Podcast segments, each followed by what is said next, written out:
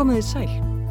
Hann hefur setið í fangelsi í tvígang, misti ungur fingur í vinnusleysi, hann hefur gifst þrisa sinnum, fyrst 1969 og í þriðja sinn 2022.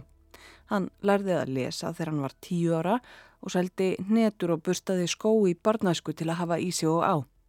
Hann er nýsestur á fórsetastóli annað sinn, ríg fullorðin, fórseti 215 miljóna manna. Ég heiti Ragnhildur Torlasjus og í þetta helst í dag fjalla ég um Luis Inácio Lula de Silva, fórseta Brasilíu. Luis Inácio Lula da Silva tók í kvöld við ennbætti sem fórseti Brasilíu. Lula sem er 75 ára hafði naumann sigur á fyrirhandi fórseta, Jair Bolsonaro, í kostningum í oktober. Þetta verður þriðja kjörtímabil Lula sem fyrir fimm árum að dæmdur fyrir spillingu og satt í fangils í 580 daga. Og hér var að berast ný frétt. Stuðningsmenn Jaris Bolsonaro fyrrum fórseta Brasilíu hafa ruðst inn í þinghús landsins hæstarétt og fórsetahöllina. Lula da Silva hafði betur en Bolsonaro í fórsetakostningunum á dögunum. Komið sæl. Stjórnvöld í Brasilíu lýsa óerðunum í höfuborg landsins í gær sem hriðjuverkum og tilraun til valdaráns. Þegar þúsundir stuðnismanna Bolsonaro fyrirandi fórseta ruttust inn í ofinberrar stopnarnir og brutu þar allt og bremluðu. Um 1500 manns hafa verið handteknir.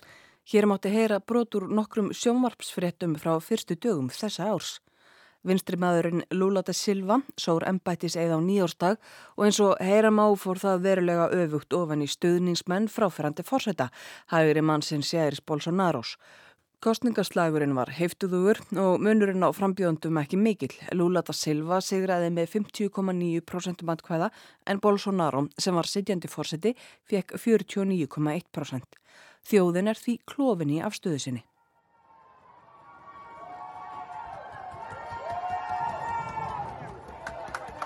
Innrásarliðið, nokkur þúsund manns, skemmti húsgögn og tækjabúnað og eðilagði ómetanleg listaverki í eigu brasilsku þjóðarinnar sem voru í stjórnarbyggingunum.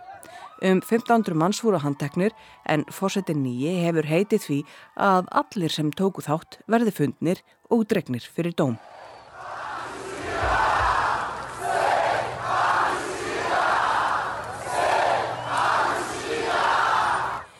Mánudag gengu týjir þúsunda um götur borga og bæja til að lýsa yfir stuðningi við líðræði og líðræðisleg gildi. Það er teitringur í loftinu og allt eins búist við meiri látum.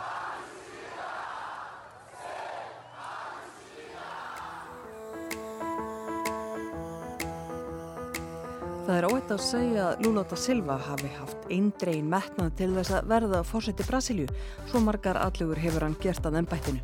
Eftir nokkrar misefnaðartilurinnir var þann fórseti árið 2003. Hann náði svo endurkjöri og satt allt til 1. janúar 2011. Í haust náði hann svo kjöri í þriðja sinn. En hver er hann þessi Lula da Silva? Lula Love eins og hér er sungið.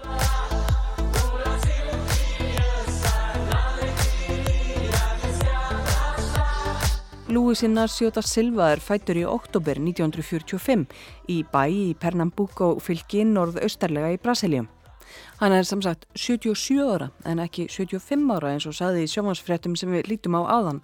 En þetta er eiginlega alveg dæmigjart eins og ég komið staði að vinna þennan þátt. Fjölmarkar dagsetningar verðast vera á floti. Til dæmis bara á Wikipedia síðu da Silva segir hans í fættur 27. oktober en að skráður fæðingadagur sé 7. oktober. Þetta skiptir svo sem ekkert höfumáli en það er ágætt fyrir fólk að vita að heimildum ber alls ekkert alltaf alveg saman um ártölu og ími smáatriði. Alveg sama þó að þessar heimildir heiti Washington Post eða BBC. Fóreldrar da Silva voru blásnöður bændur og hann var sjöönda barn þeirra Eurídis og Aristides. Aristides var ekki við eina fjölina feldur, tveimur veikum eftir fæðingu Lúislítla fór fadir hans til Hafnarborgarinnar Santos í fylginu Sá Pálo með frængu eiginkonur sinnar og þar starfaði hann sem hafnarverkamæður. Heilum sjörum síðar flutti Eurídis til Sá Pálo til einmanns síns með börnin þeirra sjö Þar hafði hann stopnað nýja fjölskyldu með frængunni en tók nú upp á því að búa til skiptis með einkonum sínum og börnum. Þau gáfust á andanum upp að þessu fyrirkomulægi og Júrdis flutti með börnin sín átta í lítið herbergi aftan við knæpu sem frændi Lúla átt í borginni Sá Pálo. Engalíf Lúlata Silva hefur líka verið flókið en með öðrum hætti en hjá Karli föður hans. Sjálfur giftist hann unnustu sinni Maríu árið 1969 en hún lést úr livrarbulgu tveimur árum síðar. Þá var hún barsamandi og barnið, lítill drengur, lést í móðurkviði. Tveimur árum síðar egnaðist hann dóttur með kæristu sinni en sambandið endist ekki og stúlkan var að komast á fullorðins ár þegar þau feðgininn fór að umgangast. Og sama ára dóttir hans fættist, gekk Lula að eiga Marísu Rokku Kasa ekki og þryggja barna móður. Lula ætleiti drengina hennar þrjá og hjónabandið endist í heil 43 ár, allt þar til Marísa fjell frá 2017. Sama ár tók hann saman við ennina kærustuna Rosangela og kventist henni í mægi í fyrra þegar hann var 77 ára og hún 56 ára. Lula da Silva er alin upp í sárri fátakt. Hann lærði ekki að lesa fyrir hann var tíu ára, hætti snemma í skóla og vann sér inn auðra úti á götu átt ára gammal við að selja hnetur og setna við að busta skó. 14 ára gammal fekk hann vinnu í vöruhúsi og tókst svo að læra málmsmíði. Fyrir tvítugt lendi henni í vinnuslisi og misti litla fingurinn á vinstruhönd. Hann þurfti að flækjast á milli fjölmarkra sjúgrahúsa til að fá læknisaðstóð. Lúla tók snemma þátt í verkalýsbaráttu en eftir dauða fyrstu eiginkonu sinnar heldi hann sér út í baráttuna fullum krafti og varð árið 1975 fóringi bandalags málmiðinaðamanna, félag sem hafði verið friðmur hlýðholt stjórnveldum en hann náði að virkja baráttuanda félagsmanna og gera það sjálfstæðu og öflugu verkalýsfélagi. Og það var um þetta leiti sem hann leitt bæta gælunafni sínu, Lúla, við nafnið sem að hún var gefið í bernsku. Lúla skipulaði fjölmörg verkföll og skoraði herfóringja stjórnina á hólm. Hann var dæmdur í einsmánaða fangelsi vegna þessa. Nokkrum árum síðar, 1980, sameinaði Lula da Silva verkalýsfóringja, mentamenn, listamenn, trotskíista og fleiri og stopnaði verkamannaflokkin. Í þrýgang bauð Lula da Silva sig fram til ennbætis fórsetta og í þrýgang tapaðan. Framanna var flokkurinn rótækur en um aldamótin var að norðin nær því að vera sósialdemokrata flokkur. Fyrir kostningarnar 2002 lofaðan meiri segja að eiga samstarfið alþjóða gældarisjóðin. Lula klæti sig úr bildingalöruvonum og í hugulegu jakkafött. Á þessum tíma gekk vinstri bilgja yfir í Suður Ameríku og Lula da Silva gekk betur. Í oktober 2002 var Lula da Silva kjörinn fórseti og tók við því ennbætti 1. janúar 2003. Það var mikil efnahagsleg uppsefla í landinu þarna vegna erlendrar eftirspurnar. Brasilia flyttur til að mynda út fartæki eins og flugvilar og bíla. Það flytja út málma og matvæli, kjöt, kaffi, sigur og fleiri nöðsynjafurur. Lula da Silva gæt því mókað fjögur hyrslum ríkisins til velferðamála. Talið er að í valdatíð hans hafi tekist að fækka þeim sem að byggu við tekjur undir fátækramörkum í Brasilíu um 20 miljónir og það dró mjög úr hungri og barnaþrælkun og það er umtalsvert afreg. En úr því að svo er, af hverju var hann ekki kjörin með miklu meirluta aðkvæða núna þegar hann gaf kost á sér? Jú, það er þetta með spillinguna og við komum að því síðar.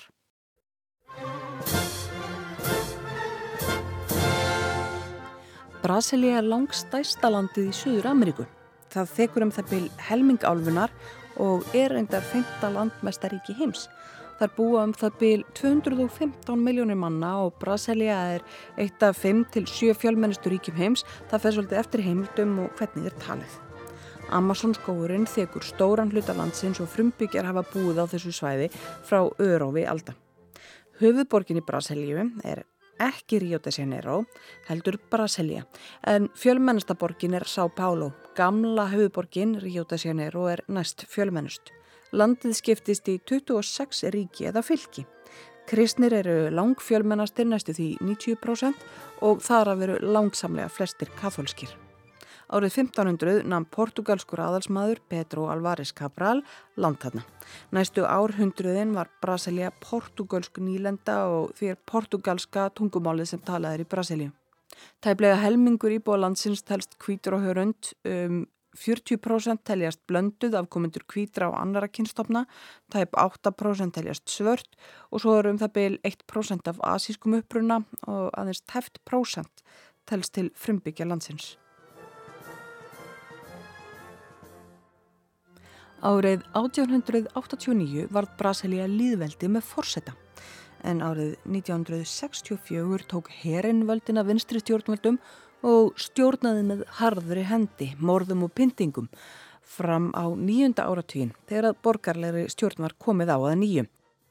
Og það er ekki síst þess vegna sem að mörgum rennur kalt vatn á milli skins og hörunds nú þegar að einhverjir stuðningsmenn fórsetans ferfirandi Bolsonarós kalla eftir því að herin taki völdin og komi í veg fyrir að Lula de Silva siti lengi á fórsetastóla á ný. Og nú komum við að þessu með spillinguna og setni fangelsistómin. Lula var feiki vinsæl í fórsetatíð sinni. Þegar hann leta af ennbætti fórseta um áramótin 2010-11 var samstarskona hans og náinn samstarsmaður, Djúma Húsef, kjörinn fórseti, fyrst brasilískra kvenna. Hún var vinsæli eins og Lula og náði endurkjöri, en svo snýrust spilin á hendi hennar. Snemma á öðru kjörtímabili tókað fjara rætt undan vinsældum Djúmu. Efnags ástandi hafi versnað og ásakanir um spillingu örðu æg hávarari.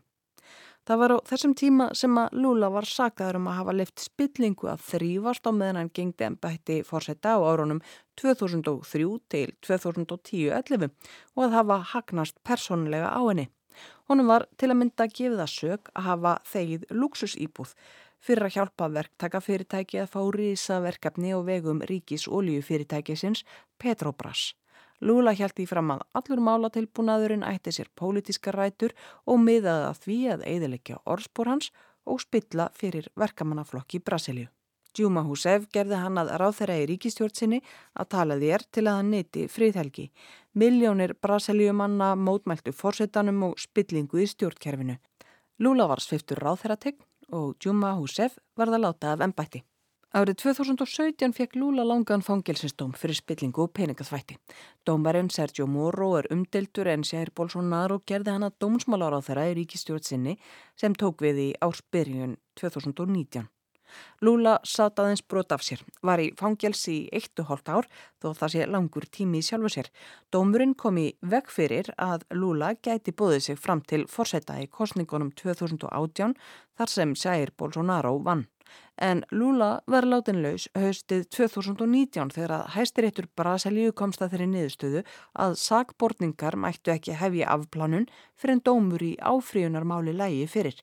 Það gildi um Lula da Silva og 5.000 aðra Brasilíumenn sem sleftar á haldi.